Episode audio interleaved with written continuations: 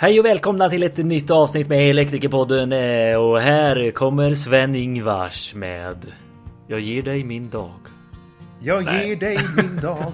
nej, nej. Det är ju inte ens Eh, Sven-Ingvars som har gjort dem. Är det inte det? Nej, nej, nej, nej, nej, skitsamma. Olle Adolfsson. Adolf, Adelsson. Olle Adolfsson. Ja. Jag ger dig min morgon. Är det inte det? Precis. Ja, det får, eh, det får lyssnarna, det får ni lyssnare gärna kommentera vad ni ville. Ja. Nej men hej och välkomna till en ny vecka. Svink ska ju och ha er här igen. ja, så gött att det är måndag. Man har ju längtat till helgen. Japp, det har man verkligen gjort. skrattar. Ja. På länk har vi nu med oss Mattias.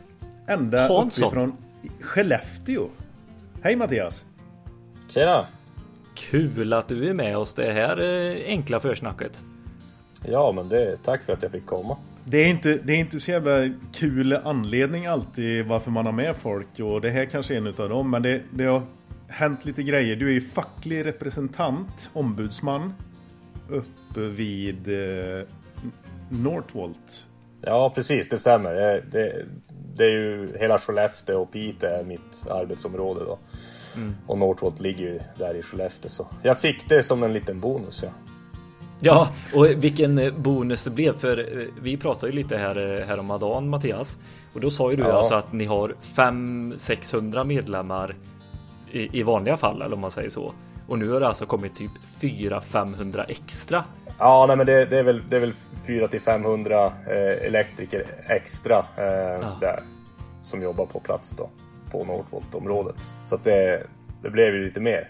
Ja, tänk Peter om du skulle fått på när, du- när du jobbade på grossist. Bara, jo just det, du ska få dubbelt så många kunder här nu också som du ska ha hand om eh, i, under eh, fem års tid. Ja, det hade jag inte tackat nej till. Nej okej. hade du inte det? Du kunde ju inte hantera inte dem du hade. Ja men alla jobbar ju och är bra, bra folk antar jag Mattias. Ja men alltså alla försöker väl men, men jag tänker du- du som grossist i det här läget hade nog haft problem. För allting verkar ju då restat. Ja, Aj, aj, nej, då har du rätt i. Jag klev, eh, klev ju ur branschen här nu i rätt tid eh, har jag ju fattat det som. Så att, Jag tror det också. Jag tror det också. ja. Nej men det jag var inne på lite grann förut eh, om hur eh, Ja men det, det har ju varit lite rubriker eh, kring eh, bygget och, och hur förhållandena ser ut uppe i, eh, vid bygget för Northvolt. Du kan väl kan du Ja. berätta lite grann vad det är som har hänt Mattias? Ja, alltså vad som har hänt. Det, alltså, det, det är ju ett stort, ett gigantiskt stort bygge som man håller på att göra. Eh, Alltså det går ju som inte att beskriva hur stort det är. Men, men på plats är det cirka 2400 arbetare, både tjänstemän då och eh, kollektivare. Då. Men, men alltså det är ju så otroligt stort. Och där ska man bygga en batterifabrik. Och hittills tycker jag, då låter det som en drömhistoria. Alltså ett stort jäkla bygge som bara drar hur mycket folk som helst till Skellefteå. Och liksom ett underbart eh, tillfälle att skapa arbete. Ja, ja, men alltså det är ju vilken, eh, vilken, vad ska man säga, vilken chans, vilket, vilket, eh, vilken jackpot för regionen att få, att få eh, en stor, ja men typ Europas största batterifabrik liksom. Det är ju fantastiskt. Ja men exakt. Se- Sen är det väl vissa bitar som, som inte klaffar kan man väl tycka. Eh, vissa bitar som man har valt. Men, men det man kan se, det, Northvolt är inget speciellt på det sättet att det är, att det är något nå unika problem som finns där. Utan det är ju problem som finns i hela byggbranschen. Det blir bara av en väldigt stor volym i detta eller? Ja, alltså det, det blir ju uppskalat. Ja, det blir ju väldigt... Ja, om vi tar det som, som var nu. Jag bara såg på nyheterna här nu att de har alltså uppdagat på, på video. De har spelat in när de då går, går till exempel in dubbla killar in genom grinden. Vilket Jaha, är, okej. och det, Utan det att kan man ju då härleda sig. till typ. Ja, utan att registrera sig. Är det svartarbete då eller? Och sker det, sker det vid grinden att det pågår så? Vad, vad sker där inne då med de här killarna som inte ens är registrerade då? Det, Ja. Vi ska ju säga, vi spekulerar ju bara Peter. Vi har ju ingen aning. Jag går på det jag ser på nyheterna. Ja. Ja, nej men precis. Och, och jag, jag såg det också tidigare idag. Jag missade i morse. Jag hade, jag hade fullt upp i morse. Men jag såg sen på nyheterna att det kom ut att de har ju när de tar sig in sådär. Och, och det är väl egentligen ingen nyhet för mig och mina kollegor. Mm. Alltså, vi har ju hört de här ryktena hur länge som helst, alltså mm. sen i våras. Att det är hundra personer säger man, säger ryktena som kryper runt. Alltså typ att det, det, det tänkte de här, de, de, som skulle storma eh, Area 51 där. Då, då. Mm. Det är lite så har ju ryktena gått här. Eh. Men för, men för mig kommer det där inte som någon nyhet att, att folk tar sig in olagligt. Eh. Nej, det är jättetråkigt. Och jag, någonting som jag har själv känt typ en väldigt stolthet över att det kom till Eh, till Sverige och att det just var en svensk tillverkare. Alltså det är ju en svensk som är, ligger eh, till grund av detta. Jag kommer ihåg vad han heter. Peter Karlsson. Peter Karlsson. Ja, Peter Karlsson. Eh, jättehärligt initiativ och bra på alla sätt och vis. Det är liksom en solskenshistoria ja, som blir lite svartmålad nu. Det känns också. Alltså varför händer det här? Hur kan det hända i Sverige? Som... Det är det som jag ifrågasätter mig. Liksom vi satt ja. ju och ifrågasatte facket här sist Peter när vi spelade in. Men nu, nu märker vi ju varför facket finns också. Vad är det ni menar som händer sådär? Det är väl det, det, är väl det jag vill... Du är inte ja, förvånad jag... så som vi är menar du? Nej men alltså jag vet ju hur det ser ut. Ja. Men, men fråga, alltså min, min, min version är ju kanske inte... Alltså ingenting är ju svart eller vitt. Jag ser väl mycket... Nej jag är väl lite arbetsskadad så jag ser väl mycket av de dåliga sakerna. Jag menar när jag pratar om Northvolt generellt så kanske man pratar 95% negativt för det är alla de här bitarna som man går och ser som, som ombudsman. Och så sen kommer man på att Jo men det är fantastiskt, jag är så jävla glad att de har kommit hit. de sista 5 eh, procenten liksom. Eh, och det är väl en, någon typ av arbetsskada man har kanske. Mm, mm. ja precis. Har det då gått till på det här viset under ganska lång tid att folk smyger in i lokalerna och inte ens är registrerade. Hur beter man sig då där inne? Vad, är nästa steg? Jobbar man säkert? Jobbar man med selar till exempel? Eller, jag vet inte. Hjälp mig nästan. Vad finns det för risker? Man kan, ju, man kan ju ta, det här kan ju kanske låta som att man, man är lite kritisk mot Northvolt. Men, men, men man det är väl så... underleverantörerna egentligen som man ska vara kritisk mot liksom. Hur, hur ja, ja men precis. Precis, alltså det, Northvolt har ju inte det arbets, eh, alltså arbetsmiljöansvaret som som eh, eftersom att de har inte ar deras arbetstagare bygger ju inte fabriken. Nej. Så, så, att eh, jag, jag, ställer ju inte krav mot Northvolt utan jag ställer ju krav mot de som har eh, elektriker anställda. Mm, mm. Men, men en, en sak som man kunde se liksom brinnande pandemi i oktober eller något sånt där 20, vad säger nu, vad har vi, 2020. 2020 ja. ja, då, då, då hade man ju problem dels med att man kunde sitta 77 personer i en barack och ha en, en, eh, eh, en vattenkran. Oj, ja just det. Bara en sån grej ja. Eh, och det, mm. alltså det spelar ju verkligen inte med, med vårat eh, avtal och, och inte med arbetsmiljölagen heller. Nej, nej. Men, men ja. Men det är en jäkla tur att du finns också Mattias tänker jag. För det är alltså elektrikerna kan ju inte gå och tänka på sin grej och göra allting rätt ute i produktionen eller installationen. Och samtidigt prata med beslutsfattarna och eh, BASU och eh, eller ja, vilka du nu håller kommunikationen med. Men det är ju jätteskönt att du tar den pucken för dem. Så ja. tänker jag. Ja, jo men så är det ju. Så är det ju. Och oft, oftast så kanske man bara pratar om saker som, som man tycker är dåligt istället för att, att adressera företagen. Att fan, vad tycker ni om det här? Mm. För, för många av gångerna som jag har adresserat arbetsmiljöproblem, då, då åtgärdas ju de problemen. Ja, just det. Ja men fan vad viktigt att höra också. När man ser allt ja. det här i, på tvn och rubrikerna i tidningarna och allting. Att, att det, och det kommer ju alltid vara ett aktivt arbete detta.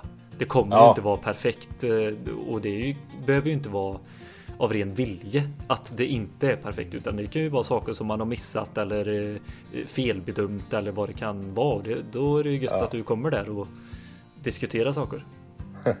ja, nej men precis. Men nu, nu senast var det ju snack om de här äh, företagen som inte har kollektivavtal på sajt. Vi har ju, vi har ju slitit ja, men sen startet av projektet här och, och liksom hålla koll på vilka företag som är där och se till att de har eh, kollektivavtal. Och mm. det, var ju, det var ju väldigt problematiskt under corona. Mm. Och jag tror att det är därför vi hade så mycket smittspridning också. För att folk utan, utan kollektivavtal, det är inte säkert att de har försäkringar. Och har du inte Mhm. försäkringar så, så kanske du inte eh, kan vara sjukskriven heller och få sjuklön. Nej, just det, det är klart.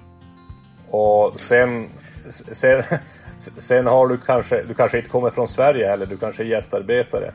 Och eh, då blir, då blir ju kontentan av att du kanske inte har heller svensk lön om du inte har kollektivavtal. Och varje timme räknas för att du måste försörja din familj eller dig själv liksom. Och är du då förkyld så, ja men ni vet ju hur det var före coronan. Alla Nej. jobbar ju för man var lite snuvig och förkylda och sådär. Eh, och under coronan så, så skulle man ju inte eller man ska ju inte göra det oavsett corona eller inte men eh, Men måste man för att ställa, alltså för att ha råd att överleva så då går man ju och smittar ner folk. Ja, nej, det är intressant och som sagt superkul att ha fått en inblick i detta också. För att inte det här försnacket ska bli ett eget avsnitt så f- får vi, får vi börja snacka om dagens avsnitt lite kände jag. Mattias, känner du till Karl H Ström? Om jag säger det. Oj, nej det, det gör jag faktiskt inte. Jag ska ju försöka vara ärlig nu men nej det gör jag inte. Det, Och det, du- det, det, det, låter, det låter ju som någon kulturarbetare. På, na- på, på, på namnet. Någon som jobbar med kanske serietecknare eller eh, visskrivare. Men om vi säger Steinell istället då? Är det något du känner igen? V- vad sa du? Steinell, Steinel. Steinel. Nej, det låter, nu, nu, nu ändrar jag mig och det låter som något tyskt elföretag. Ja, nu närmar det sig. Absolut. Och Karl H Ström är ju alltså agenturen i Sverige för Steinell. Som är ett väldigt välkänt eh, bolag inom eh, närvaro och rörelsedeckare. Jag har, jag, alltså jag har ju bara jobbat på industri, ja. så jag har Ja. väldigt dålig materialkännedom när det gäller liksom fastigheter eller Ja. eh, ja, privata fastigheter typ. Så att, ja. Steinel i Tyskland är ju jättestort. Det är ett eh, efterkrigstiden varumärke som har vuxit sig jättestort. Så de har ju både armaturer, närvarodetektorer och även limpistoler. För privata marknaden. Just det. Limpistoler, du hörde rätt. Ja men vad fan, ja, men du jag, jag känner igen det. Jag Varumärket på- när du ser det. Ja, ja, ja. ja. Ja, Ja. Nej, men vad bra. Ja, men, Ja, men det kommer bli ett eh, riktigt göttigt avsnitt. Så det var ett gött snack. Det är ett generationsskifte på gång där. Från eh, de som startade en gång i tiden till sonen som nu tar över.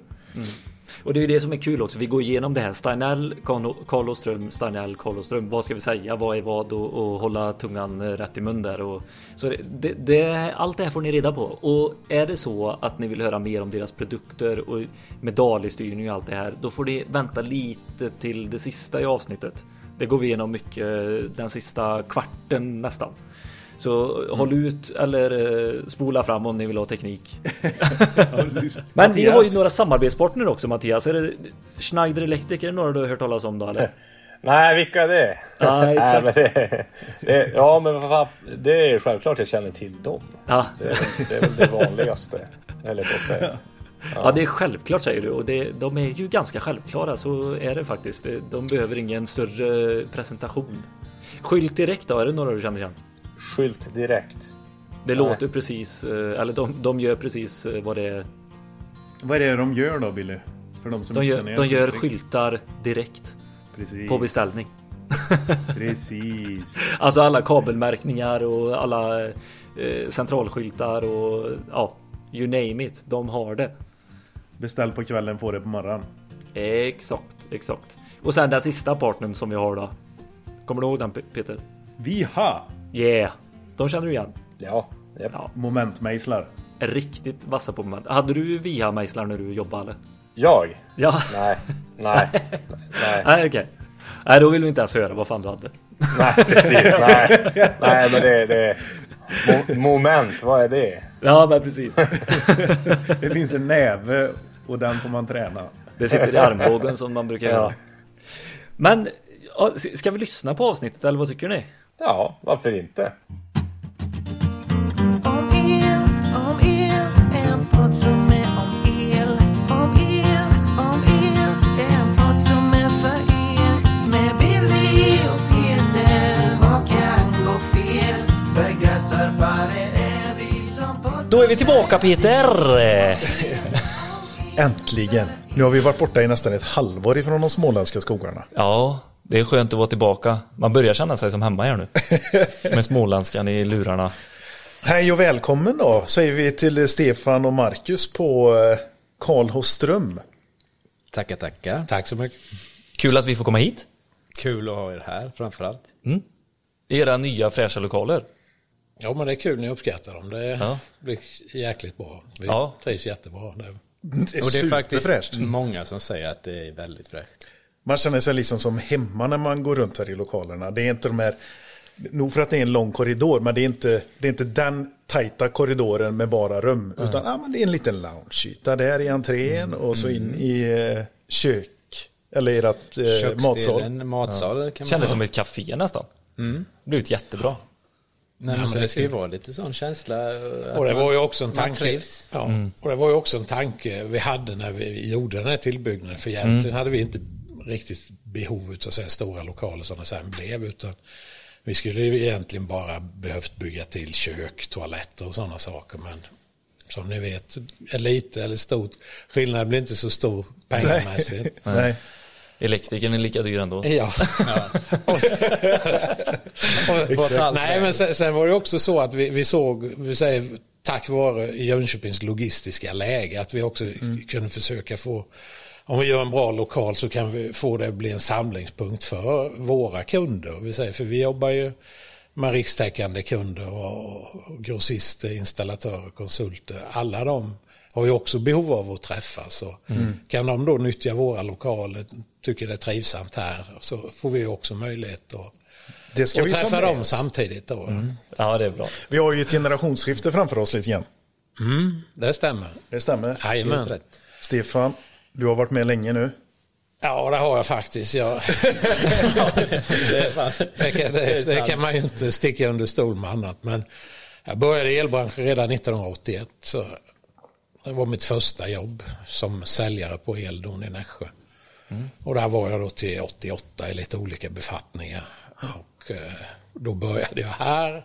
Och tanken när jag började på Karlström var att jag skulle vara eh, ja, tre, fyra år medan barnen var små. Ja, ni ser själva. Nu har det gått drygt 30 år men precis som du säger nu är det dags för mig att, pensionera mig. Och det har vi då planerat sedan några år tillbaka. Vi säger den här ja, generationsskiftet. Och, nu, och det är jättekul också då att Marcus, min, min son, blir en utav, ja, blir ny delägare i bolaget och tillsammans med min kollega Anders då som jag har drivit det här med sedan 2009. Vi fick ju förmånen att köpa det då utav den tidigare ägaren som heter Hans Pappela. Som i sin tur hade köpt det utav familjen Ström i början på 80-talet. För, ja, precis. Karl H. Ström.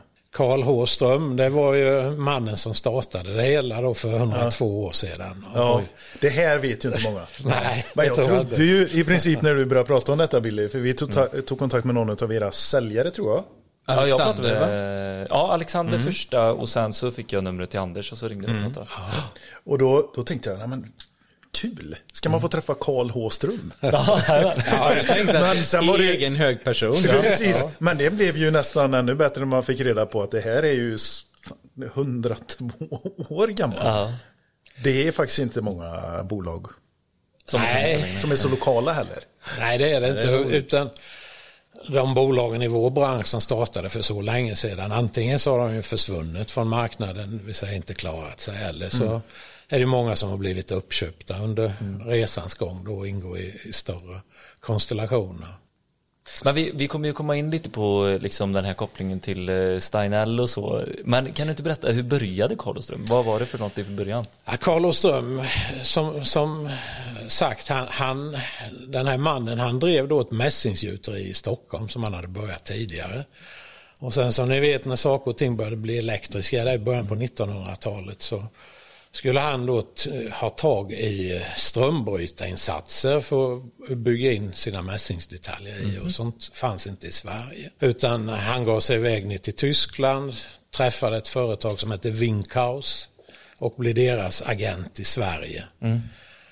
Och eh, som det ofta är så blir det ringa på vattnet och var det någon annan tillverkare där nere som behövde exportera grejer till Sverige. hade någon som skulle ta hand om det och, och då hamnade det också hos Carl Olofström. Så Efter ett antal år så hade man vid sidan om det mässingsgjuteriet då byggt upp ett agenturföretag med belysningskomponenter och ja, även belysningsprodukter, säkringsmaterial från ja, enbart tyska tillverkare. Då. Och, nej, och sen drevs de här företagen parallellt och i Karlström då så var det sådana företag som, som vi då var samarbetspartner till. Foslo var ju en stor tillverkare på den tiden av belysningskomponenter, lamphållare, lysrörshållare och Nachtrot gjorde sådana här dragströmbrytare och sådana saker. Och, så därför var man en stor, en stor leverantör till svensk belysningsindustri då på komponentsidan. Okej.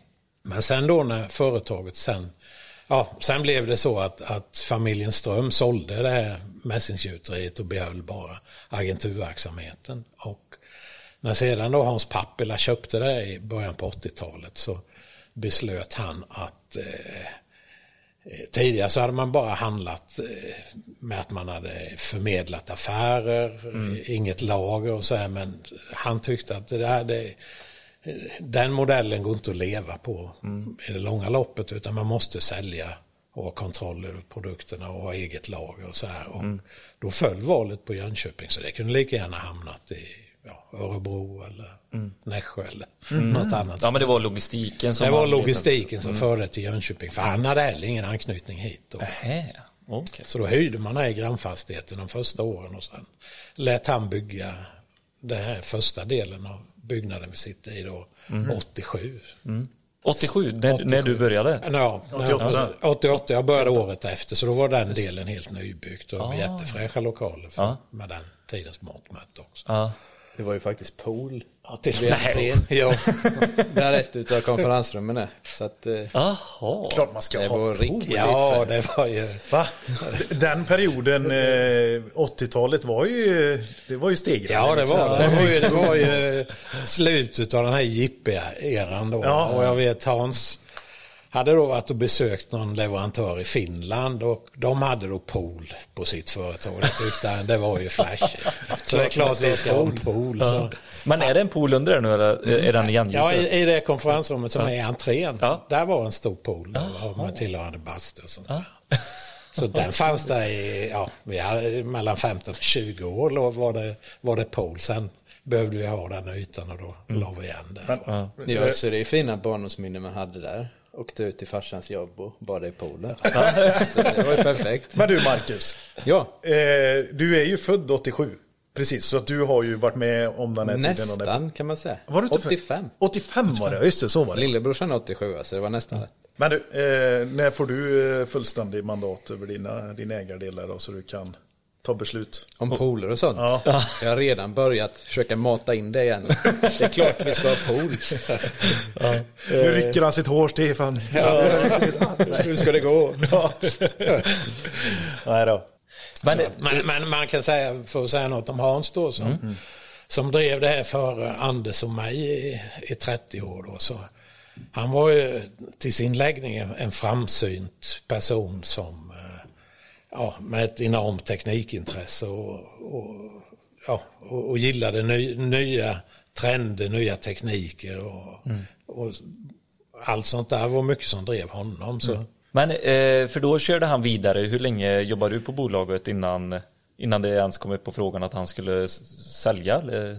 Nej, vi, vi började prata om det rätt tidigt han och jag. Ja, okej. och, men sen så Hans, han ville ju inte sluta jobba, vi säger även att om han blir 65 eller utan det, det, det, det var ju hans liv på något sätt. eh, Jobbet och, och, och han höll ju på att arbeta långt efter han hade sålt det till Anders och mig. Men vi jobbade ihop från 1988 till 2009 och Anders kom in då tio år senare än mig så att eh, eh, sen 2009 då fick vi förmånen att köpa företaget och det hade vi då planerat några år innan där också.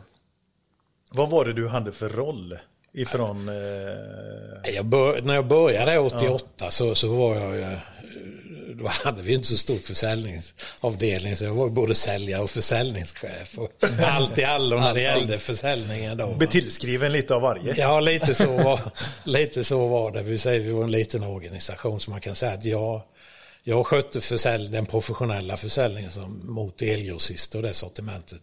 Och sen hade vi en annan kille som jobbade mot eh, butik och med det. vi hade även lite konsumentprodukter och lite sådana saker. Så då jobbade han mer mot den sidan. Så vi var två som skötte försäljningen.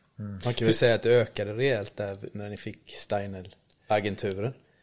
Ja, sen hade vi, vi säger, för det var ju, eh, även om det hade varit eh, glass och trumpet under 80-talet så, så fick ju det här ett rätt abrupt slut där 90 när vi säger finanskrisen kom. Ja. Valutan eh, fladdrade runt och räntan var uppe i 500 procent. Så var det många företag eh, med vår karaktär som inte överlevde. Vi säger de, de klarade helt enkelt inte.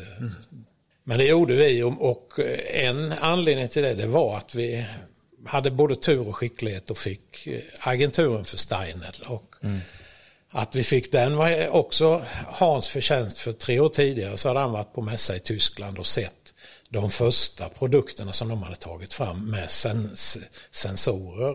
Och det var en utomhuslampa med en inbyggd sensor.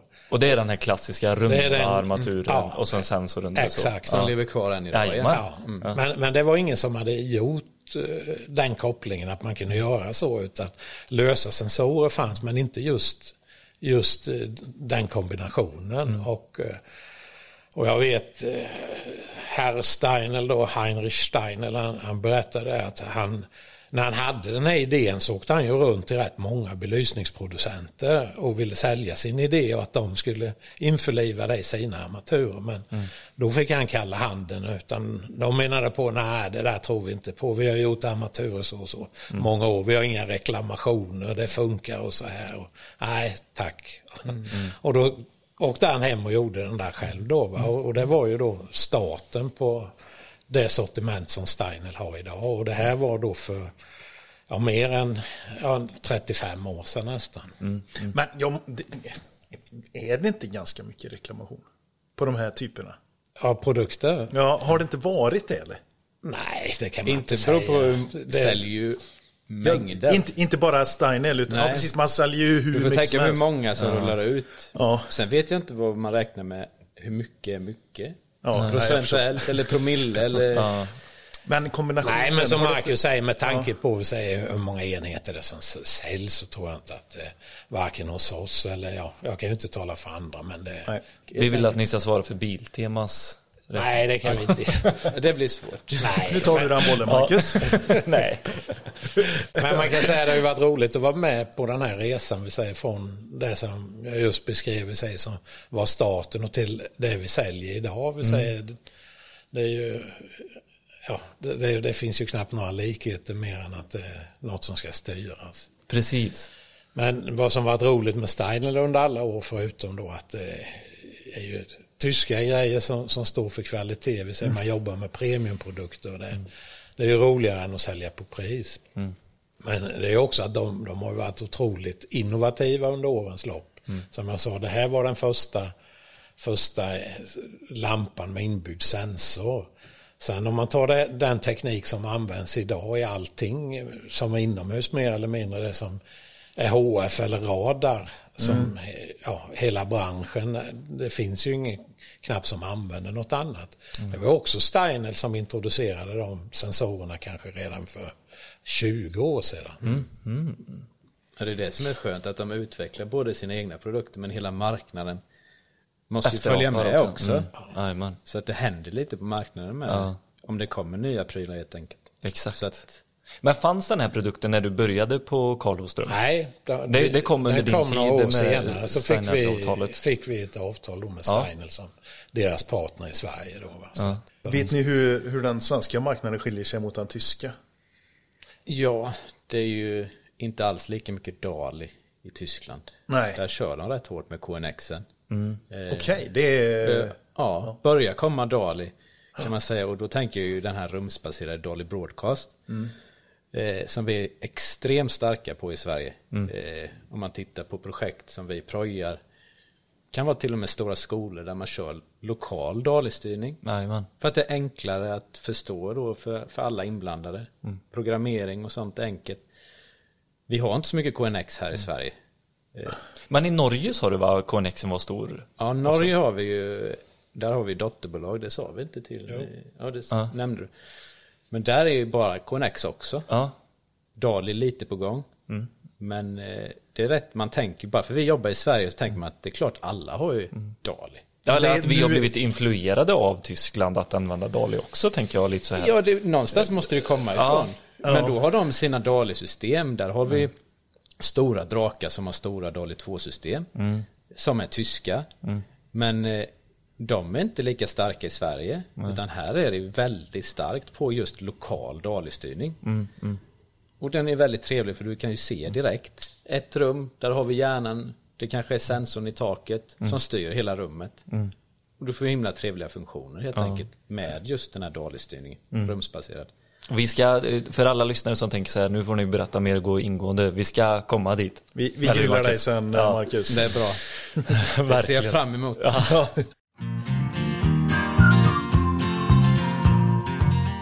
Hörru du Billy. När man är som projektledare så får, får jag mycket frågor till grossisten när jag satt där om att kan ni mängda detta till oss? Och vi på grossisten kände att nej, det kan vi inte göra. Och då är det så här, då tar man ett stort ansvar när man mängdar någonting. Man kanske inte är expert på just det området. Alltså om det handlar om, om till exempel stegar Som eller eh, kabelkanaler. Ja, just det. Och vi sitter inte på alla program och mängdningen kan bli fel. Därför är det bättre att gå till experten. För att få mängdningen. Alltså man går till du- kärnan så att säga. Exakt. Och det kan du då göra snabbare och bättre. Och få mer exaktare hjälp i första läget. Ja, och inte glömma Via några... MP-bolagen. Ja, och de glömmer inga prylar tänker jag med en gång också. De vet ju Exakt. exakt hur man ska få ihop deras grejer för att få det så bra som möjligt. Mm. Är inte det underbart att så ha experten som mängdar åt dig? De som till och med har Superbra. gjort delarna. De vet ju exakt Ja. vad du behöver. Ja men så skönt att bara slippa säga här jag är projektledare, jag lämnar över till dig, du som kan, du gör det här hela dagarna, du vet Mm. precis vilka delar som ska med och varför det inte kan sitta en hel längd där utan måste kapas där. Jättebra! Exakt. Gör det för mig så kommer jag handla av dig. Ja. Nej men Ja. den, det tar man lite som självklart också på något vis. eh, Men det är ju inte lika självklart att det ska finnas tid. Men det har ju faktiskt MB-bolagen sett till att de har den möjligheten att hjälpa alla som vill. Både på stora och små projekt också. Du vet när man Ja. sitter i bilen kanske ringer eh, sin säljare på MP-bolagen och säger ja, jag hinner inte riktigt sätta mig med detta, kan du hjälpa mig?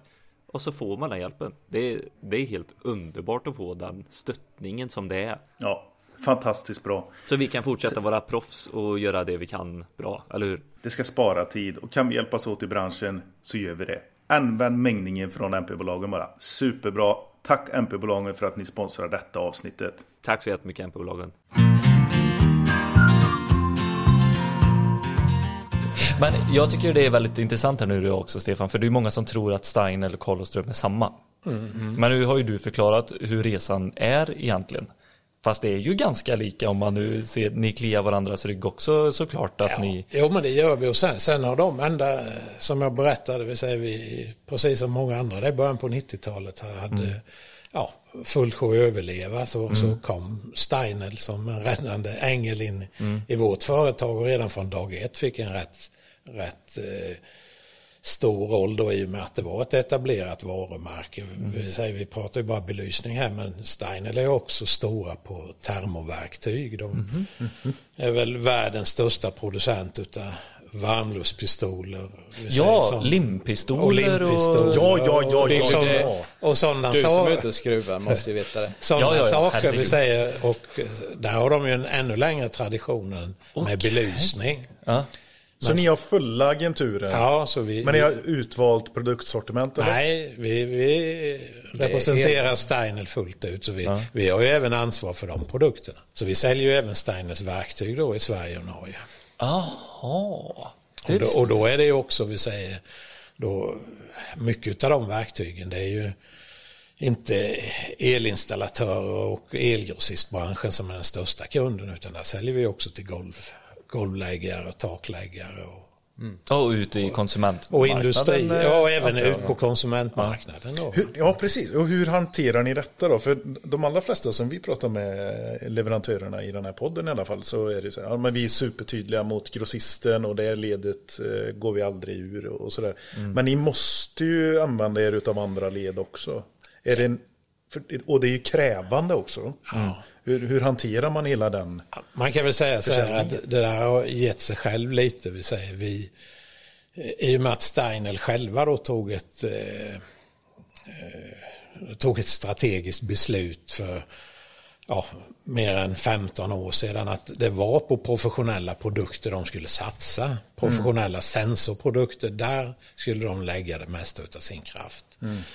Och då har vi också följt det så att när Anders och jag tog över 2009 så, så satsade vi, vi byggde om säljkåren eller inte byggde om men vi organiserade om den så att de sex säljarna som vi har ute jobbar nästan enbart mot professionella ledet och konsulter, installatörer, grossister.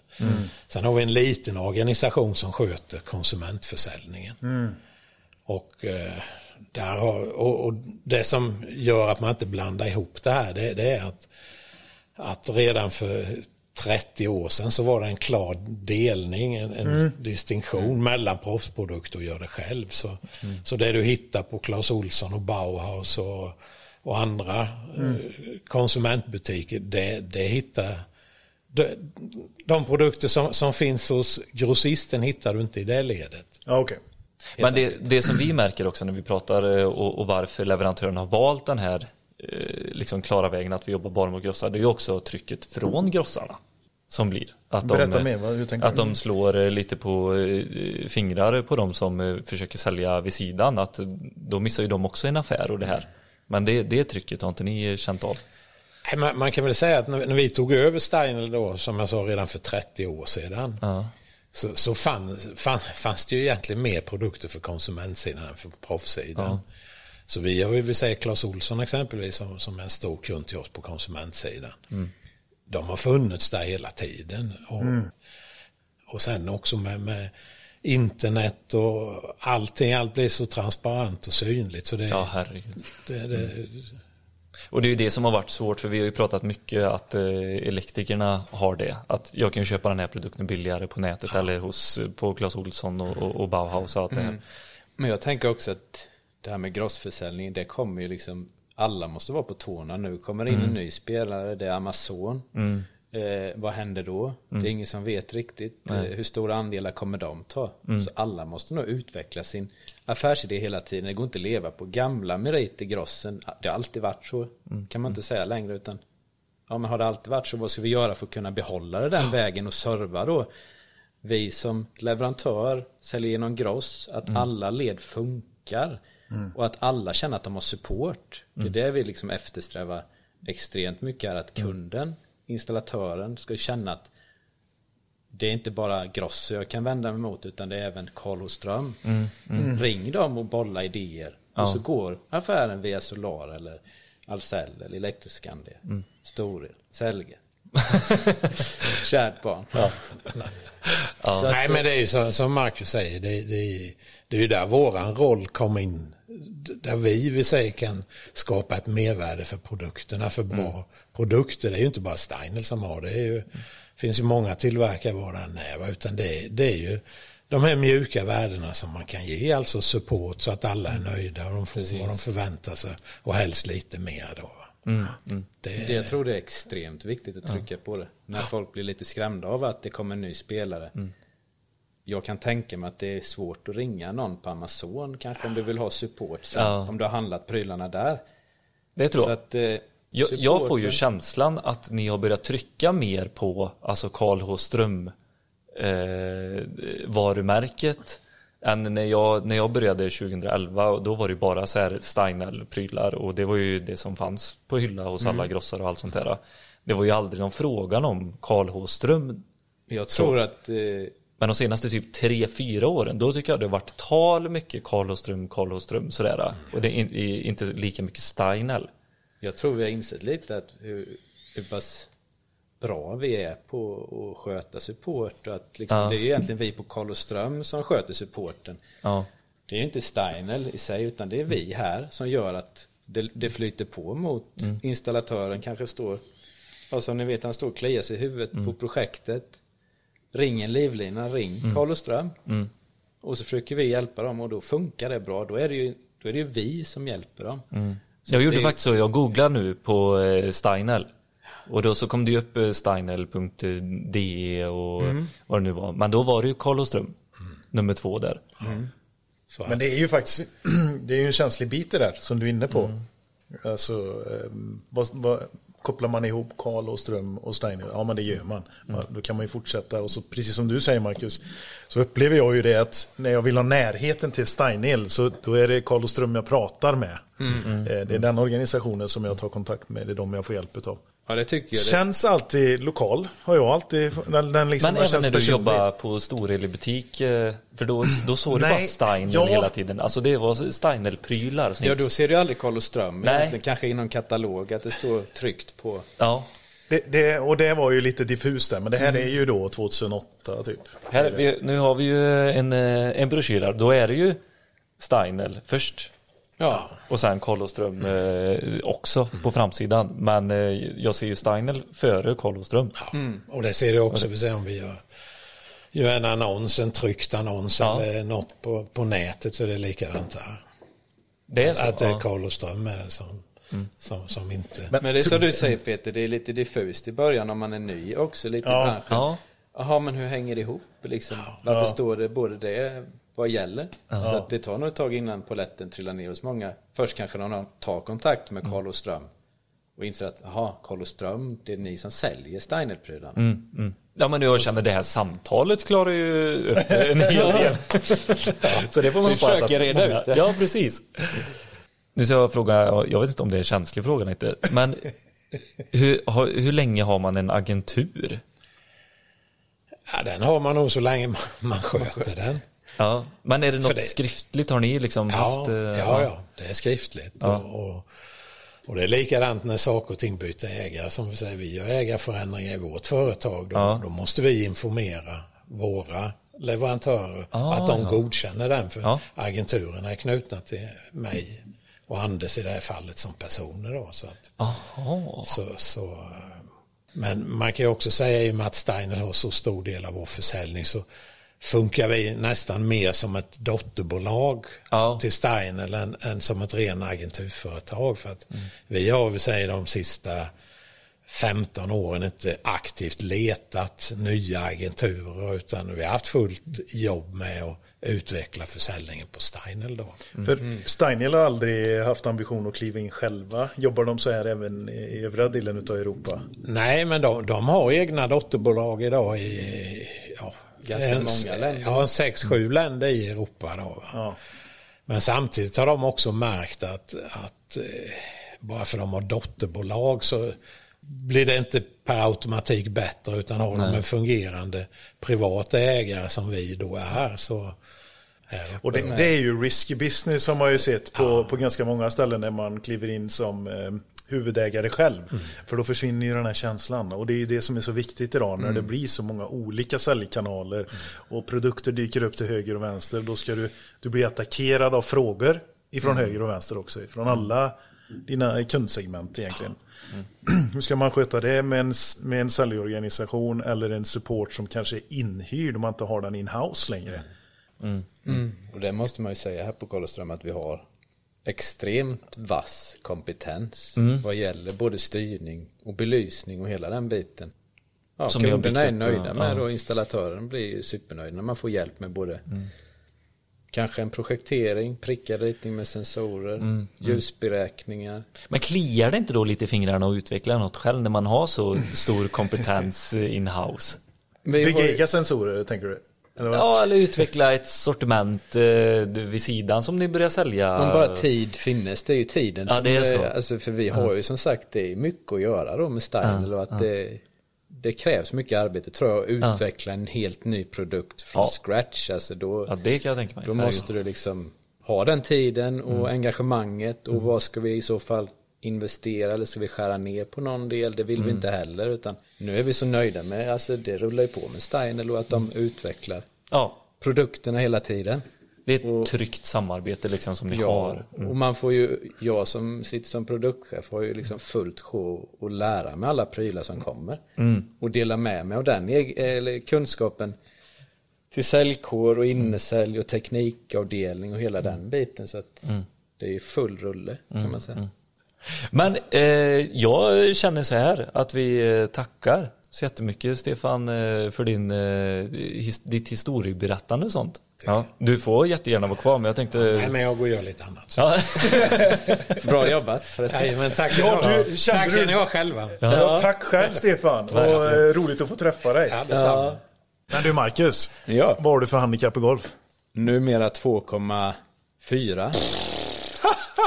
Nej, jag ska Så jobba. att, eh, 2,4? ja, vad då då? ja, men det drar ju oss osökt in eh, till eh, din eh, tidigare karriär. Ja, jag hade ju många planer länge. Ja, Om man börjar när jag var typ 13 år så tänkte jag jag ska bli bäst i världen på golf. Oj! Ja, den är ambitiös. Satsade med den tanken ganska bra. I, fram till jag var dryga 20 bast. Och då kan ni tänka er, jag stod och harvade på golfbanan varje sommar. Det var ju bonnabränna från start. Jag gick inte, var inte på stranden. Jag vet inte, jag missade säkert massa roligt. Men det var superkul att vara på golfbanan med. Du tyckte det liksom år efter år efter år. Man är väl lite knäpp på det sättet, men det var liksom Fast jag tänker gemens- gemenskap där med, ja. Gemenskapen, vi var ett fantastiskt gott gäng. Ja. På den, eh, när jag var junior, då, mellan 13 till 20, så var, hade man ju säkert minst 10 polare som var där i samma läge. Som kände att jag vill också vara här. Ja. Och då är det inte svårt när man har massa polare med varje dag. som gör samma val. Som, som bara kör på. Så att, eh, men som sagt golf, om ni har provat det själva, gör inte det för mycket för det är så svårt. jag tänkte att jag var jättebra på golf, men sen jämförde jag mig med de som var bäst, eh, gick inte att jämföra. Tittar man på tv då, de som spelar i USA, alltså det är fruktansvärt, både mentalt och eh, träningsmängd, hela den biten. Det är extremt svårt att bli. Så du förstår när du såg eh, Tiger-dokumentären Ja, att han det. drillade så hårt för att komma dit han... Ja, då Han har förstår jag varit, ju får man att det säga. blir liksom inte lätt att komma dit själv. Nej. Men det är jag det var som ju- jag tycker är så häftigt här i Sverige också att man vi lyckas ändå med, med den, så det, finns, det, har, det har inte funnits så här tävlingsinstinkten så på det sättet om den inte är personlig. Nej. Nej. Eh, Så då tar du dig igenom i Sverige och blir topp. Så här, ja, men, tänk Björn Borg till exempel som blir bäst år, år, år efter år. Liksom. Men sen eliten, USA har ju haft det här tänket i årtionden. Ryssarna, eh, ja, tyskarna och fran, fransmännen och alltihopa. Liksom. Ja, men och kineserna kineserna. Kineserna Så liksom. att det är många, ändå imponerande att vi i Sverige har så pass många Ja. duktiga. När man tänker på golf, man tänker på fotboll. Och så har vi halva året där det är knallmörkt. Så det går inte att spela golf och fotboll utomhus. Så att Nej, något gör vi ändå bra. Ja. Okej, nu, eh, nu ska du få coacha mig. Eh, Jag har typ registrerat 17 någonting i handikapp tror jag. Ändå bra. För att spela sex runder och För att eh, bara vara. fyra år. Bara vara. Bara vara ja. ja. Jag går ifrån micken här lite. Det här är mitt slag nu. Nu ska vi se. Helvete! De var ju så på. Ja men det är ändå bra. Jag förstår känslan. Det här är mer, det här är mer reaktion. Ja. när, jag blir, när jag gör ett sånt jävla dåligt slag. Men ändå bra teknik eh, Ja, jag i tycker det grunden. såg bra ut för det var så stelt. Ingen klubba och inga handskar, ingenting. Men alltså... Och så slår man ju ner på sig själv. Man bara så dunk, dunk, Men dunk. allt- Jävla sopa. Har du hyfsad teknik så sitter så mycket i huvudet. Ja, vad ska jag göra då? Försök nollställa allt. Hur då? Nej, det vet jag inte själv I, hur man inför gör. varje slag Ja. så ska du bara Du ska nollställa inte det. tänka på någonting. Men När tänka, du, inte tänka på något. Nej, men när Ge du är- något. Meditera. när du går på feeling, alltså när du känner att det flyter på av sig självt Mm. utan att behöva tänka på Ska jag flytta över tummen? Ska jag höften? Ska jag vicka på höften? Ska jag stå still? Du förstår vad jag menar? Mm. Ja. När du inte tänker på en massa små grejer utan du tänker att shit vad gött jag har det. Nu ska jag slå iväg den här bollen. Mm, men då Som står, bara den. Då står Blixt och gubbarna i bak och... Ja, då blir du lite nervös och undrar Ja. hur det ser ut. Ser det bra ut? Då kommer det inte gå bra. Nej. Vad, vad ska jag göra då? då? När du ska du gå ifrån. Först och främst börjar du tänka, det här känns, tittar de på mig, hur ser jag ut? Nej, nu måste jag lämna, gå ifrån bollen, tänka lite, vad är det jag gör? Jag ska slå iväg den här lilla bollen. Strunt samma liksom. Slå slaget och ta konsekvenserna efter. Det brukar jag säga, för jag är för dålig själv på det, nämligen. Okej. Man har missat mentalt innan. Man har slagit. slått igenom slaget. Ja. För, Och den här, den här mentaliteten, den har ju du också haft med dig. För det har ju inte varit självklart att gå ifrån golfen till elens värld heller. Nej, det var en rätt, eh, vad ska man säga, zigzagväg tog jag mig fram. Ja. Efter golfen, jag insåg då att eh, nej, det blir svårt att leva på golf. Vad ska jag hitta på? Mm. Hållit på med hockey och fotboll innan, gillar det här med lagidrotter, gemenskap. Eh, Mm. Tänkte polis, gillar ju också att träna massa sånt där, Mm. hålla på. Tänkte jag blir polis och så sökte jag till det. Och det stämde du in dig ganska hårt Ja men det blev rätt hårt. Ja, och då satsade jag på, jag försökte liksom jag flyttade till Linköping, pluggade beteendevetenskap, Mm. lite juridik, idrottssociologi. Eh, tänkte det är bra med sig in i polisyrket. Mm. Jag, vad ska jag mer göra? Jo, jag kan ju jobba med ungdomar. Så Mm. jag var ute och jobbade på Visingsö här eh, utanför Jönköping i nästan ett år. Mm, Med sådana LVU-ungdomar då. Mm. Allt med målet liksom på Allt med polishögskolan. målet på Polishögskolan och sen körde jag även lite fångar i transportbil. Ja. Eh, en sån här fångtransport. Mm. Höll på med det en Den sommar. värsta fången du har kört, kan du... Eh, det Får var du? några mördare och sånt där. Så? Och, ja, men alla, det gick att prata med alla. Men får man alltid reda på vem man ska köra innan? Nej, det tror jag inte vi fick. Ett, jo, du fick ett körschema på morgonen. Ja, men du visste inte exakt vem du skulle hämta. Det stod nog bara hur många. egentligen. okej. Mm. Så lastade in buset där och så körde vi på dem. Men aldrig själv bra. va? Nej, tre, Man man, är- är... tre i bilen. Ja. Och så, som mest tre intagna. Man säger inte fångar, tror jag inte. Nej, inte Det är kanske lite gammaldags. Ja, då ser man faktiskt den här kedjan. ja, så det var ju interner kanske det heter. ja. Ja, intern ja. ja, just Ja. det. Men, eh, så där var jag också en sväng. ja. Men varför blev det aldrig någon... eh, Det undrar jag med. Ja, Vad för hände? du sökte ett jag par sökte år eller? två gånger. Första gången så sökte ju jättemånga. Mm.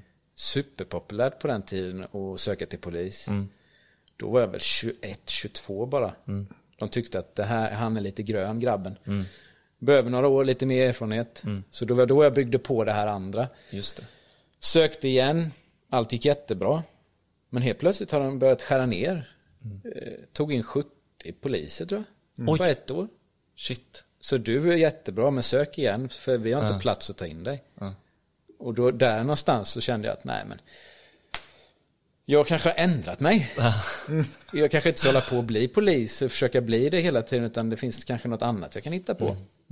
Och då bollade jag faktiskt med farsan lite och, och sa att hantverkare verkar ju också jäkla bra och trevligt.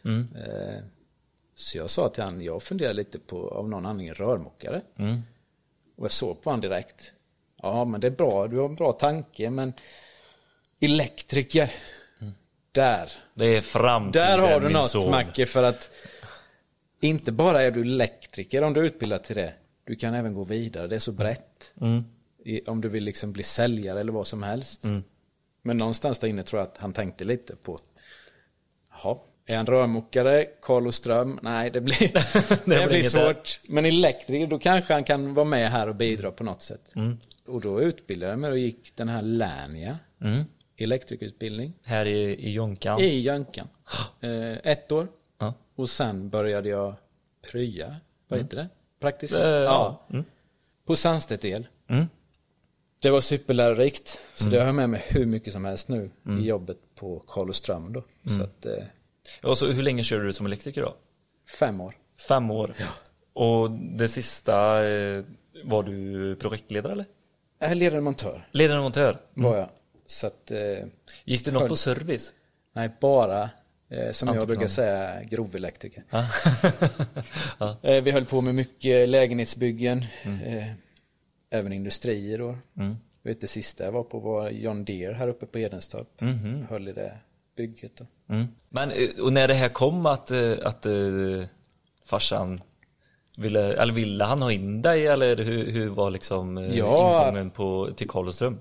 Det var ju både farsan och Anders då. Ja. Som... Eh, sen glömde jag nämna, jag även jobbat på lagret här i några år. Jaha. Till och från. Ja, okej.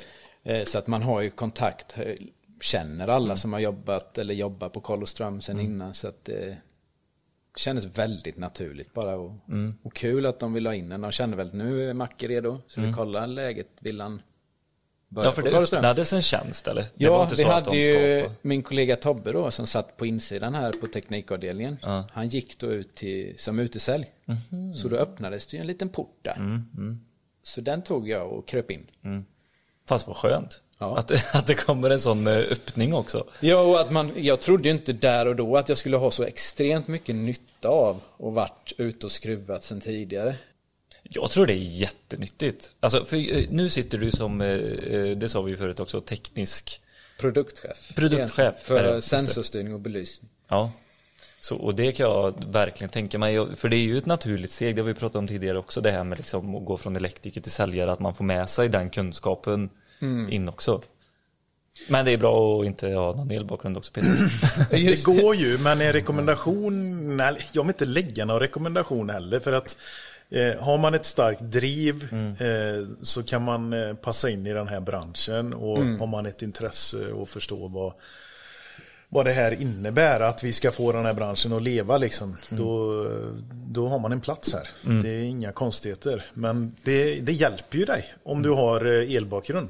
Alltså, och speciellt om man har gjort eh, timmarna som elektriker och på, i installationsled.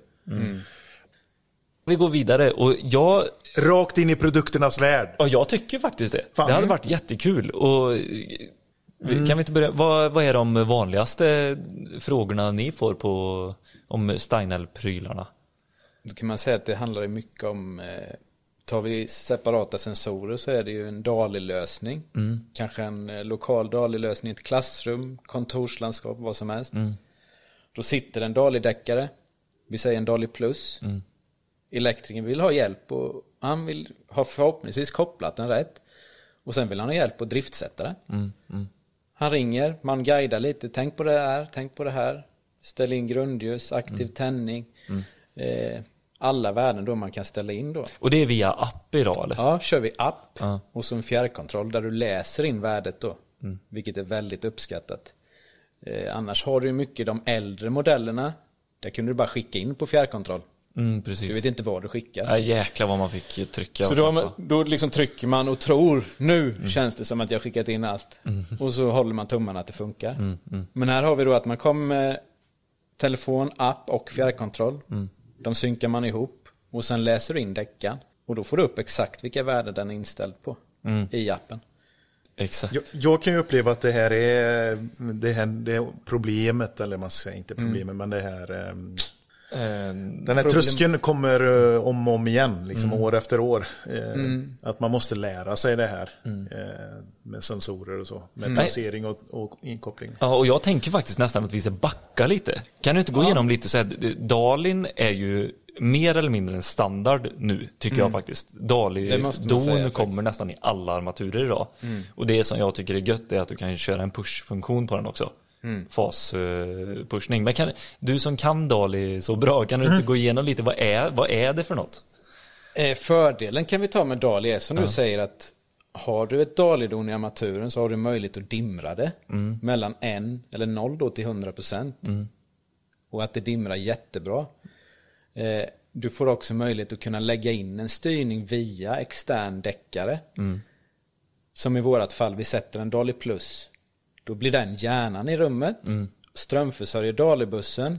Alltså två trådar är en DALI-buss. Som du binder ihop armaturerna. Eh, och får ihop ditt system helt enkelt.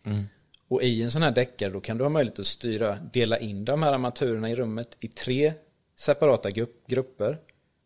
Trots att vi bara har en DALI-buss runt i rummet. Och så har separata trycknadsfunktioner.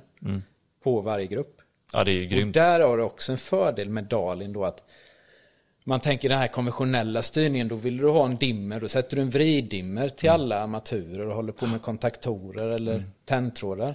Här får du dimringen på köpet, både i armaturdonet plus däckan som sköter dimringen och skickar kommandon på Dalibussen ut. Och den här adresserbar-enheten också, alltså att du kan i, i princip döpa varenda armatur i ett system och säga precis hur de ska bete sig när sensorn säger till. eh, Ja, ställa in olika ljusnivåer, Ja. alltså olika startvärden, grundljusfunktion, alltså gå ner på lägre eller nivå när, när Men ingen är är, där. vad är det de skickar ut för signal? Mer exakt, vad är DALI-signal?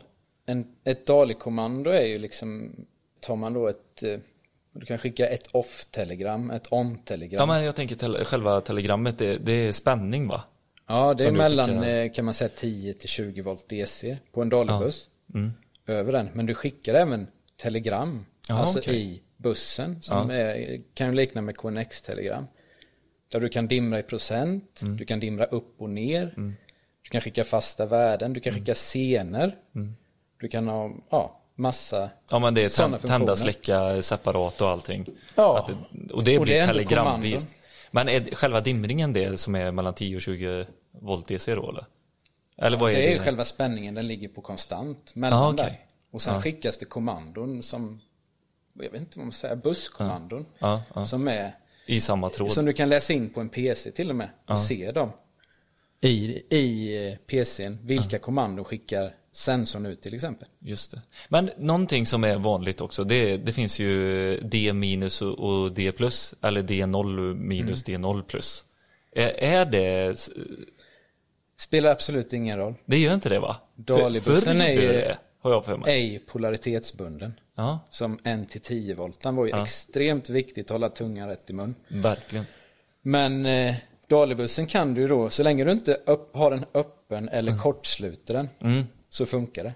Ja, Okej, så det är inte polaritetsberoende alltså? Nej, så det funkar exakt eh, tvärt emot en till 10 volt kan du säga. Och eh, många vet inte om detta heller, utan de försöker hålla koll på antingen via färg eller få mäta sig fram. Jag säger strunta det, så länge du inte kortsluter den så är det inga problem. Jag tänkte bara eh, innan vi går in på lite mer Mm. eh, produkter eh, så har ju ni också Dali Plus och Dali Live Link. Vad är det för skillnad på de två eller? Och vad är det för. Egentligen skillnad på livelink har du för att vill kunna göra scenariofunktion i ett rum. Och okej. Då är det nästan bättre för vi har ju en produkt som ska komma nu, eller är, finns framme. Ja. Där vi får scenariofunktion och helt ny sensorserie. Aha. Utan att ha en styrenhet, utan du får, det är som Dolly Plusen kan man säga. Ja. Med både blåtandstillbehör och Dali-tillbehör. Jaha okej så varje enhet blir sin egen Ja, eh, man kan säga, ja de däckarna som sitter längst upp till vänster där. Ja. Alla sådana, hela serien får samma funktion och du kan styra den. Har du en trycknadspuck så kan du köra scenario på det. Du har även en ingång på sen så när du kör scenario eller vanlig dimring, jalusifunktion. Ja. Eh, du har även ett relä externt, puckrelä. Ja. Det har jag Dali repeater, piezo-trycknapp. Alltså, är det, vad sa du, Dali Live Link eller Dali Plus? Dali Livelink kommer försvinna nästan då kan man säga i och med att Aha. vi får ta fram den här nya sensorn som löser nästan allt Livelink har gjort då. Fast Livelink är ett system mer ju. Okej. Så Livelink kommer vi bara använda om vi kör HCL egentligen. Det Mm. finns ju i Livelink då. För att köra HCL dygnsrytmkurva. Ja precis, ja, men kul att du går in på HCL. kan du Det var inte, roligt. Är, är, det- är det många som använder sig av eh, det idag? Många är väl synd att säga. Man hoppas ju att det ska komma mer för att det är himla trevligt att få den här styrda ljuset som förhåller sig till dygnsrytmen. Ja. Arkadisk dygnsrytm, så finns den heter. Ja. Vi har sålt ett projekt, ett äldreboende, Ja. med våra KNX-sensorer ihop med Lumenias HCL-armaturer. Okej. Eh, där vi styr då i, i styr belysning som liknar utomhusbelysning helt enkelt. Eller utomhus, inte belysning men vad säger man? eh, Rytmen. Ja men dygns... eh, Dagsljus. Ja, dagsljuset ja. Så att, eh, Det måste ju vara klockrent på typ äldreboenden, sjukhus, gruvarbete. Ja, framförallt gruvan är ju, det är ju, där ska det vara ett måste egentligen ha in Ja. det. Men, eh, och det blir ju, det är bevisat också att det skapar ju den här, du får ju samma nytta av det. Som att du skulle vara utomhus. Ja, ja men just det här För med att ljuset ska träffas och, det här blåa spektrat ska vara, ligga i rätt och, Ja. och träffa hornhinnan då i rätt vinkel. Varför har ni inte det på ert kontor? Fanns inte när vi 2017 så det är ju, HCL är väldigt nytt Ja, okej. kan man säga. Ja. Så att när vi renoverade här Ja. 2017 då hade inte Lumenia tagit fram de här HCL-armaturerna. Okej. Annars hade det varit HCL i rubbet. Ja, det är så. Du Ja. känner det nu? Ja, när man har hört Nä- hur, nästa- hur, bra man mår. Så att vi har ju tanke på att börja byta ut det lite pö om pö.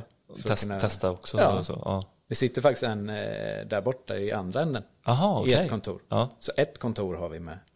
En sån HCL-styrning. Ja. Och det kan man ju styra då ihop med också våran Livelink styrsystem. Men kommer Livelink alltså finnas kvar? Livelink lever kvar, men kommer komma en helt ny sensorserie Ja. som tar över egentligen vad Livelink har klarat av tidigare. Ja. Vi har använt Livelink för att skapa scenarion, även vanlig dimring, många amatörgrupper.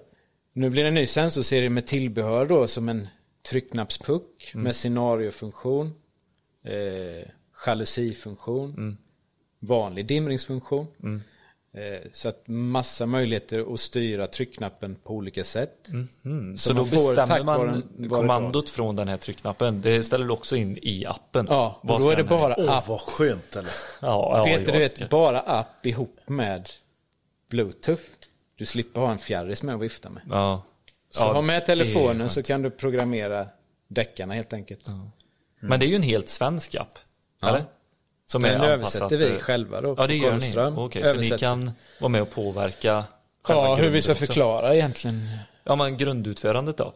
Kan ni... eh, Ja, jo det kan vi också. Om vi som nu är med i, i det här utvecklingsskedet då så har vi lämnat våran input och sen ibland så väljer Steiner att bra input. Det gör vi. Ibland tycker de att nej, vi kör så här.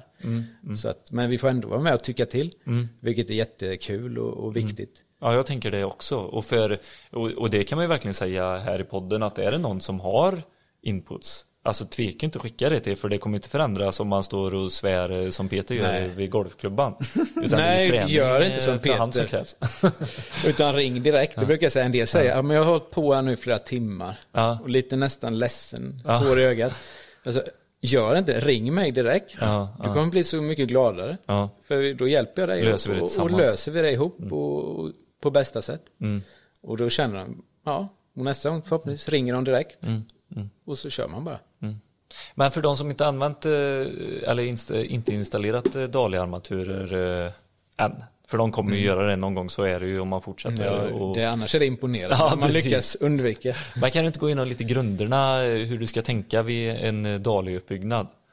Vi tar den, den viktigaste tanken man ska ha med sig är att eh, ha koll på Dalibussen ändå. Många av bara farten drar ju vidare till nästa rum, binder ihop flera lokala Dali-enheter med varandra. Vilket gör att det blir kaos kan man säga på Dalibussen. Vid programmering. Ja, vid programmering och sen när du driftsätter, du får inte ordning på något. För alla skickar kommandon, alla mastrar skickar kommandon på bussen helt enkelt. och så att, eh, 64 64 enheter, är max. det är max. Och så kör man eh, som vi då, då har vi 150 milliampere. Det bästa är att räkna milliampere, det är ett tips jag säger till alla. Eh, så en, Och vad ger en ungefär? är ju, en amatör, ett amaturdon, en adress, 2 milliampere. Ja, okej. Eh, så tar vi våran Dali Plus så har vi 150 milliampere. Ja, Strömförsörjning på Dalibuss. ja. Vilket gör 64 armaturer är max i adresser. Men då har vi kvar 22 milliampere. Som, vad ska vi göra med dem tänker ni? Då kan vi lägga till slavar, till exempel slavsensorer som kopplas direkt på Dalibussen. Men då säger- får vi inga nya 64 med slavar? Nej, och det är också en, det var dit jag tänkte komma. Ja. En sensor då på Dalibussen tar inga adresser. Nej. Förbrukar bara strömförsörjning. Precis. Många tror att allt du lägger på bussen blir adresser. Men det är bara amaturdon som blir adresser. I en sån här lokal placerad Precis, det är det ju. eh, Dali-lösning då. Så att, eh, Så om du har en fullsmäckad eh, enhet med 64 stycken don, Mm. hur många slavar kan du sätta på den då? Tar vi IR, säg att en IR drar 4 milliampere. Ja, okej. Då, vad blir det? 4 på eh, 20. 22. Ja. 5 eh, slavdäckare plus 64 armatur. Om man känner för att maxa det då. Mm, mm. Men ska vi lämna Dalin lite och så gå, kan inte du berätta, för det finns ju närvarosensorer och så finns det rörelsesensorer. Ja, vi kör en liten sensorskola Ja. helt enkelt. Verkligen. Eh, I dagsläget, jag brukar säga att vi har försökt promota på Karloström och via Steinel då självklart i och med att det är de däckarna vi har. Promota närvaro och rörelse, skillnaden på det. Men det börjar suddas ut. Okej. Kollar vi handlingar så står det nästan alltid bara att det ska vara närvarofunktion. Okej. Eh, Säg att du har ett kapprum, en korridor, då står det närvaro. Eh, Så att eh, man kan inte lita riktigt på de begreppen om det står i handlingar. Då får man nästan tänka, vad är det för utrymme Ja. vi jobbar med? Har vi en korridor, då behöver vi inte sätta en däckare som har jättemånga fält, en IR-lins som har närvarofunktion som vi kallar det då. Utan då räcker en rörelsevakt, en HF-sensor, där det krävs lite större rörelser. Och vad men det finns en framtagen eh, närvaro är typ eh, 15 centimeters rörelse och, Ja, det är exakt som du säger faktiskt. och rörelse Eh, Rörelse vet jag inte exakt hur mycket, men det är mer än 15 då. ja. Så jag för mig det- är typ en meter eller något va? Ja, Rörelse. så du måste röra dig rätt bra ändå för att, för att det ska kallas eh, rörelsevakt. Rörelse, mm, Ja. Men eh, tittar vi på våra däckare då så har vi ju HF-sensorer då för korridor.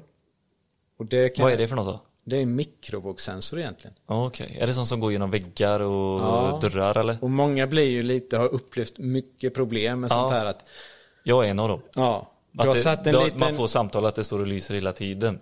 Och så går man dit och, och kör det här testet, fem sekunders Mm. testet. Det funkar hur bra som helst. Och så bara, nej det funkar. Men då går det ju, genom tunnare material ja. som gips och glas och sånt. Eh, tar man en klassiker så är det en klädkammare där man satt en HF-lampa i. Mm. Det är ingen bra grej att göra. Nej, och det måste man tänka på innan man sätter upp den. För det går inte, även fast man drar ner den på eh, Ja. min, eh, så kan det gå igenom alltså. Jag sitter alltså precis dikt mot, eh, mot din garderobsdörr, då Ja. blir det svårt. Även om vi då, Steinel har ju de här, både att du får med avskärmningar, metallbläck som egentligen skärmar av helt. Så då kan du klara dig med en avskärmning då. Plus att du kan dra ner räckvidden på min, på själva HF-sensorn. Men många andra kanske inte har möjlighet att sätta bläck och dra ner känsligt, utan det är fritt flöde. Har ni med det i alla era produkter? Ja, En sån avgränsning? alla de eh, plafonderna och, och även sensorarmatur, äh, Och det är de här sensorlimpan. plasthistorierna Nej, metall, små metallbläck. Som Ä- Även på... Eh, ja, du tänker på sensorerna. Ja. Nu tänker jag på plafonder med inbyggd sensor till exempel. ja. ja, men där har ni metallblick Ja, som, med, eller? ja, som många slänger bara. Ja, och så okej. kommer de på, den behövde jag använda. vi får ringa och be om fler. Ja. Men eh, det funkar bra. Och sen som du säger har vi ju på, på IR-däckare så får man med en liten plastbit egentligen. Räcker ju för att avskärma en IR. Mm. För IR eller PIR, passiv infraröd Mm. detektering, fungerar så sätt att det går ju inte igenom material. Mm. Utan det den ser detekterar den. Mm. Alltså funkar det, stannar i rummet. Öppnar du dörren så tittar den ut såklart. Ja. Det har ju även eh, sensorer sittandes i armaturer och era plafondserier Ja, är ju väldigt uppskattade. kul Ta att du oss med i den nya serien. Vi har den nya serien, den R-serien kan man säga. Kommer även en helt uppdaterad S-serie som många känner igen sedan Mm. tidigare. R-serien med Bluetooth-kommunikation. Möjligt att ställa granzonsfunktioner. Precis. Du kan även ställa in olika ljusnivåer. Att du ska få grundljus på 30%. Ja, du kan få normalljus eller när du blir detekterad att det är mellan 50 till 100%. det- Trådlös Jag kommunikation. tänker typ en, en funktion, eh, eh, tänker en källare med alla källarförråd. Och så ska du bara gå fram till din eh, dörr, eller ditt, ditt förråd. Mm. Och så sitter det fem stycken eh, i rad. Och Mm. då så ska du gå till andra armaturen. Men då kan man sätta att även tredje armaturen tänds på 10% när du har detekterat vid andra. Exakt. Men inte att fjärde eller femte tänds. Det tycker kan jag är ta- väldigt snyggt. Det är jättesnyggt. Man kan ta en ännu lättare liknelse när vi sätter de här eh, 5100 heter det, i garage. Då är den jätteuppskattad granzonsfunktion. Då, då har du det på ett plan kanske, eller dela in ett parkeringsplan i två grupper. Och då får du, går du in i första delen så tänder den andra delen på grundljus. Ja, ja, ja. Och då tänker vi framförallt för trygghet. Ja, det är Alltså det är trygghetskänslan man vill åt. ja.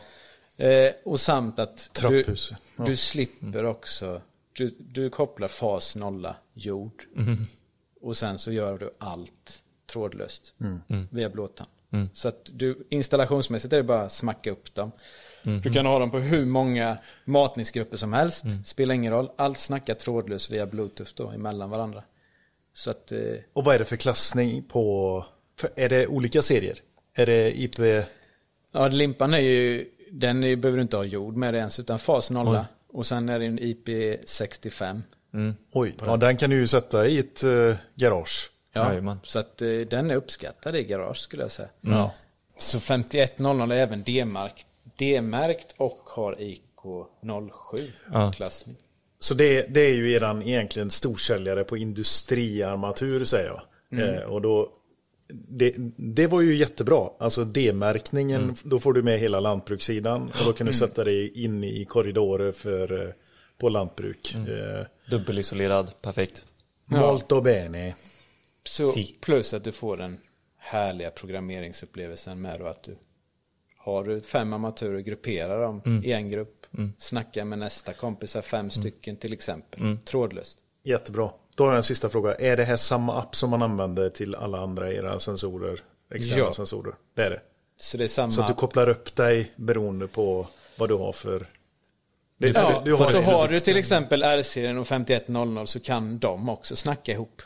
Aha, Okej, Så att det är inte bara bundet till produkt eh, Nej, serie. serie, Utan, utan alla de här som har Bluetooth-kommunikationen snackar med varandra Ah, om du ja, vill. Ja, ja. Så har du ett trapphus där det sitter R-serien. Du kanske vill att den sista R-serien innan du går ut i garaget, den ska lira grannson så den tänder kanske fem amatörkompisar i garaget. Så innan du ens är i garaget, du är på väg ut. Har Så du börjat tända upp. tänder upp där. Ja men snyggt. Bam! Så att, Ja, det var riktigt så snyggt. funkar det. Ni har ju även batterilösningar. Ja, vi har ju även för den här R-serien så har vi nödljusmodul som tillbehör.